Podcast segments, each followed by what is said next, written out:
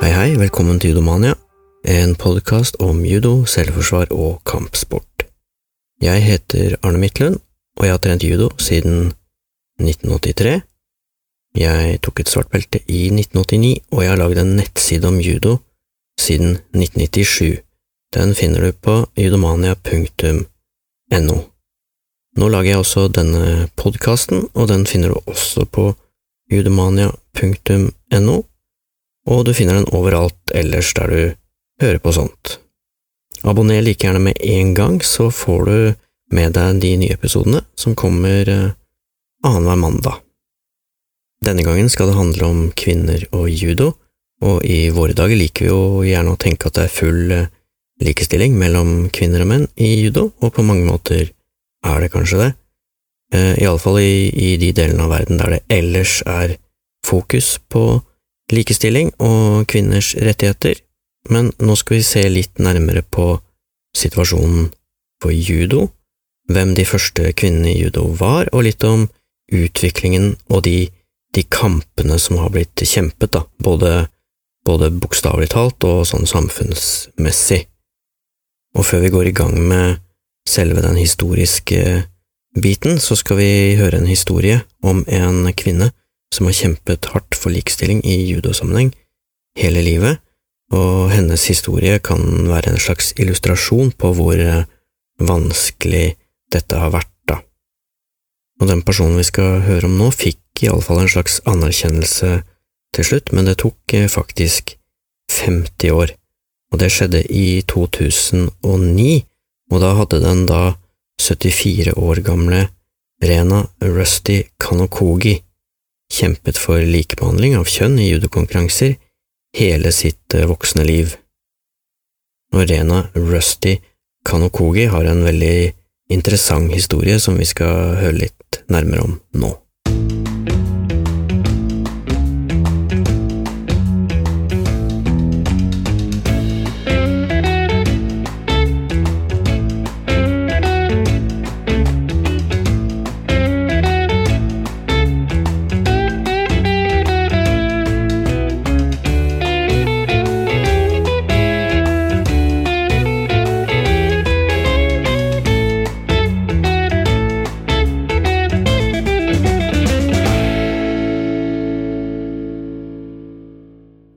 Rena Rusty Kanokogi ble født i 1935. Hun het opprinnelig Rena Glickman. Eh, hun vokste opp på Coney Island, som ligger helt sør i Brooklyn i New York. Hun hadde en eh, ganske tøff eh, oppvekst. Foreldrene hennes klarte ikke å ta seg av familien, og, og hun måtte faktisk begynne å gjøre småjobber allerede syv år gammel. Da han ble ungdom og litt eldre, altså, så ble han leder for en småkriminell gjeng som kalte seg for uh, Apasjene, og hun var vant til å slåss for å overleve, så å si bokstavelig talt. For å uh, på en måte klare å møte all motstand og de tøffe uh, kårene da, i Brooklyns gater, så begynte hun å trene. Det var jo ingen treningsstudioer som ville akseptere kvinner som medlemmer, så hun lånte utstyr av broren og trente med hantler og vekter og de, det utstyret han hadde, og så um, klarte hun også å snike seg inn litt og prøve seg på en boksesekk i et lokalt treningsstudio av den gode, gamle sorten, og i denne perioden her, det var da hun fikk tilnavnet sitt uh, Rusty, etter en uh, løshund som eh, vandret rundt i nabolaget. Hun levde et eh, tøft og intenst eh, liv, og allerede før hun var 20 år, så hadde hun rukket å både gifte seg, få barn og skille seg, og da hun ble alenemor, så roet hun ned denne eh, småkriminelle karrieren sin, og så begynte hun å jobbe på et sentralbord. Så det var nok en del tøffe tak eh, for Rusty, og hun eh, skal ha sagt at eh, i livet så er du enten en hammer eller en spiker, og hvis man må velge, så velg å være hammeren, og det kan jo si litt om hva slags person Rusty var. I 1954, da var hun også 19 år, Da fikk hun se noen judoteknikker, jeg tror det var en venn av henne, som viste henne både noen filmklipp av noen judoteknikker, og så utførte han et judokast på henne, og han var jo omtrent ti kilo lettere, men klarte uten problem å kaste henne i bakken. Det, det her ble hun veldig interessert i, og, eh, og for en som hadde slåss hele livet, så sa hun at det som tiltrakk meg med judo, det var ikke det at jeg eh, skulle lære å slåss og forsvare meg, for det kunne jeg, men det var det at eh, man fokuserte på indre ro og, og selvbeherskelse. Og eh, Rusty ble jo fort god i judo, så hun ville konkurrere, ikke bare trene, men hun ble nektet da fordi hun var kvinne, og dette var jo rundt 1950, begynnelsen av 50-tallet. Men hun fikk trene med menn, og i hennes eh, judoklubb så meldte de seg etter hvert på en konkurranse arrangert av eh, YMCA i New York. I 1959 var det, og her var det sånn at hun måtte kle seg ut som en mann for å kunne delta. Hun klipte håret kort og surret seg inn i bandasjer og prøvde i det hele tatt å skjule at hun var eh, en kvinne. Og i 1959 så var det ikke en gang slik at det sto at kvinner ikke kunne delta fordi det var så utenkelig at det var ikke nevnt noen sted. Kampene gikk eh, bra for laget hennes, og, og hun vant også sin judokamp. Det er litt uklart om hun deltok i alle kampene, eller om hun bare var reserve for laget, men uansett så måtte hun i hvert fall gå minst én judokamp, som hun da vant. Og laget hennes øh, vant dermed konkurransen og fikk eh, medaljer for det, men eh, stevneledelsen hadde da fattet litt mistanke om denne Rusty, og hun ble spurt om hun var eh, kvinne, og Rusty måtte jo svare ja på det, selv om hun ifølge et intervju hun hadde med Associated Press senere, hadde mest lyst til å svare er du en ku, så hun var ikke noen sånn dame som lot seg pille på nesa, men Eh, uansett så ble hun fratatt eh, medaljen sin, og dette var jo et kjempevendepunkt for eh, henne. Det var fra det øyeblikket her hun bestemte seg for at dette finner jeg meg ikke i, og dette er en viktig kamp som må kjempes. Og som jeg nevnte i stad, så tok det altså 50 år før YCM of Greater New York returnerte denne gullmedaljen til Kanokogi, og da sa Rusty Kanokogi i et uh, intervju at uh, jeg har vist at jeg hadde rett, og at det var diskriminering den gangen. Rusty Kanokogi hadde en, uh, en lang og innholdsrik judokarriere som var preget av at hun, hun stadig kjempet for at kvinner skulle få delta på alle plan og på alle nivåer i idretten. Hun var en av de første kvinnene fra utenfor eh, Japan som trente på Kodokan da hun dro dit i 1962, og som alle andre kvinner i Japan så var det Yoshibu, altså kvinneavdelingen på Kodokan, hun måtte trene på. Men etter å ha trent der en ukes tid, så ble det opplagt at hun trengte tøffere og hardere motstand, så da fikk hun prøve seg i hoveddojoen der mennene trener og eh, på grunn av dyktighet og ferdighet og, og, alt hun fikk til, så ble hun så å si umiddelbart tildelt eh, andredan av Kodokan. Det var også her hun møtte mannen sin, Ryohei Kanokogi. Eh, de giftet seg ganske raskt, og Ryohai ble med til USA. Det er få personer som har gjort like mye for kvinner og judo som Rusty Kanokogi, og eh, i 2008 så ble hun tildelt Den oppadstigende sols orden, som er blant Japans eh, høyeste sivile æresbevisninger, og eh, ti år etter hennes død så ble hun også innlemmet i Det internasjonale judoforbundets Hall of Fame, og på graven hennes så står det en inskripsjon American Samurai.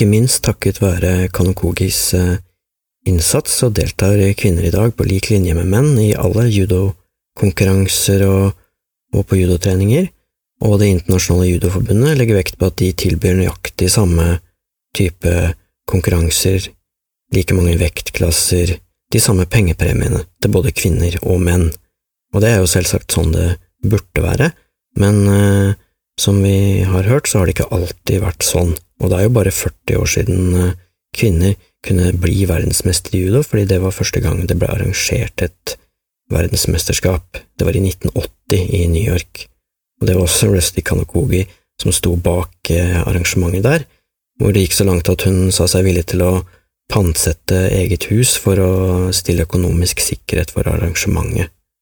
Hun truet også med rettssak i flere sammenhenger der kvinner ble holdt utenfor store internasjonale konkurranser som olympiske leker, for eksempel.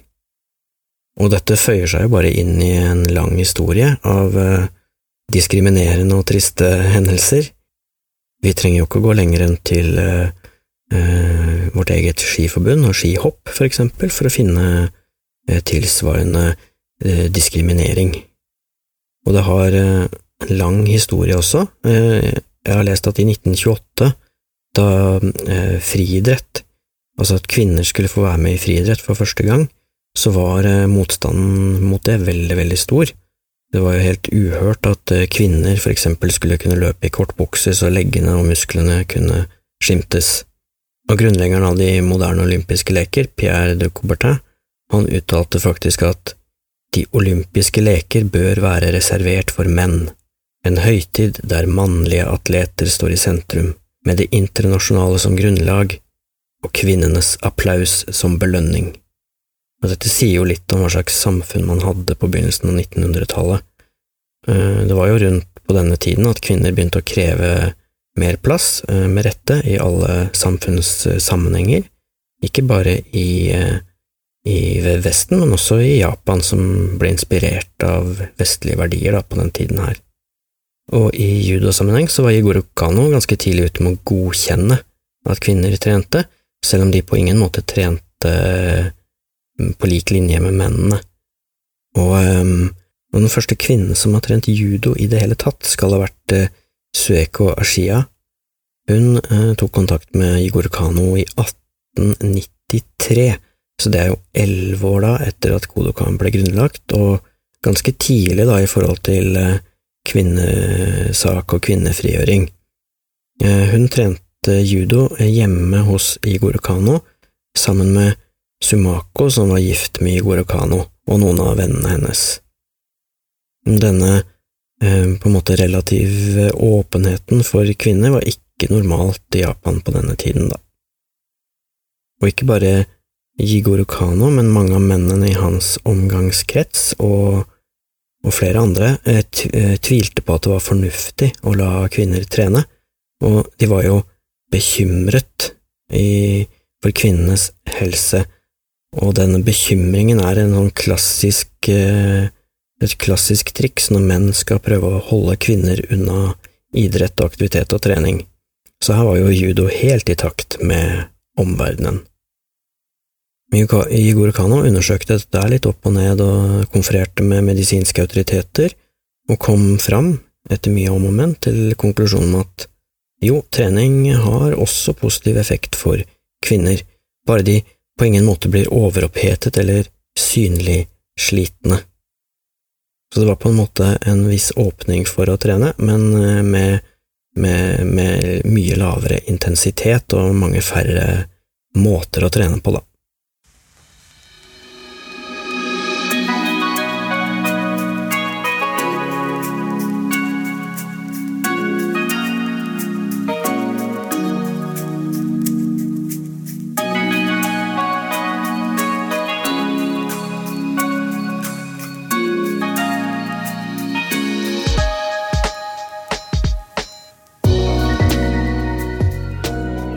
Japan kan det se ut som om helseaspektet var det viktigste ved treningen på begynnelsen av 1900-tallet, og i flere av disse dagboknotatene til de første kvinnene som trente judo, så legger de veldig vekt på at de eh, får bedre helse av å trene judo både fysisk og, og til og med mentalt, at de, de føler seg friskere og raskere og lettere til sinns, da. Mens i Europa på den samme tiden så trente nok kvinner eh, mer eh, kampsport og judo og jiu-jitsu for å på en måte kunne forsvare seg og, og drive mer med, med den kampsportmessige delen av det. Og det skal vi høre i en annen episode, hvor vi blant annet skal høre om eh, judo-suffragettene, eller jiu-jitsu-suffragettene, som var en sånn eh, feministgruppe som holdt til i, i England. Etter hvert som flere og flere kvinner ble interessert i judo i Japan, så oppretta Jigoro Kano rett og slett en kvinneavdeling, Yoshi Bu. Det skjedde på begynnelsen av, eller midt på 1920-tallet. Eh, han arrangerte også kurs der trenerne eh, ble opplært i en sånn spesifikk metodikk for å trene jenter og kvinner, og etter hvert så begynte man å registrere de kvinnelige utøverne i de offisielle bøkene på Kodokan, det skal ha skjedd fra 11. september 1931, og noen av de mest kjente fra denne første tida er jo den tidligere nevnte Sueko Ashia, som skal være den første som begynte å trene judo.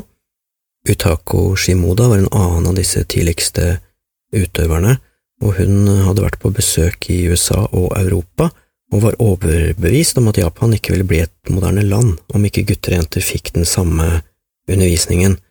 Hun sa også at det var viktig at kvinner fikk den samme fysiske treningen som menn, og svake kvinner, svake menn, sa hun gjerne. Og kanskje den aller mest kjente av disse tidlige utøverne var Keiko Fukuda, som var en av pionerene for kvinnelig judo, og hun var eh, barnebarnet til en av trenerne til Igor Kano, og hun ble altså invitert til Kodokan i 1935 og der ble hun trent av både Igor Kano og flere av disse andre legendariske tidligste trenerne. I 2006 så mottok hun niende dan av Kodokan, og hadde hun vært mann, så tør jeg påstå at hun uten tvil hadde fått tiende dan også av Kodokan.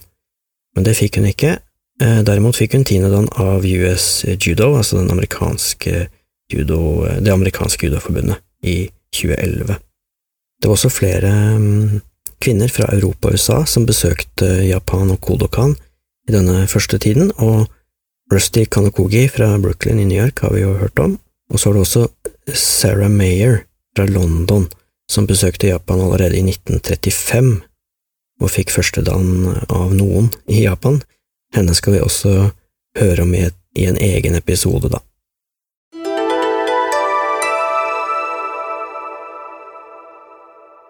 Til slutt skal vi bare se litt på hvordan judoen har utviklet seg, da. Fra 50-tallet, da Rusty Kanakogi eh, startet med judo, og allerede da, på hennes tid, så var det noen spredte forsøk med konkurranser for kvinner, blant annet i Frankrike og i Marokko, som var vel en fransk koloni, men eh, dette ble egentlig bare sett på som en sånn raritet i samtiden.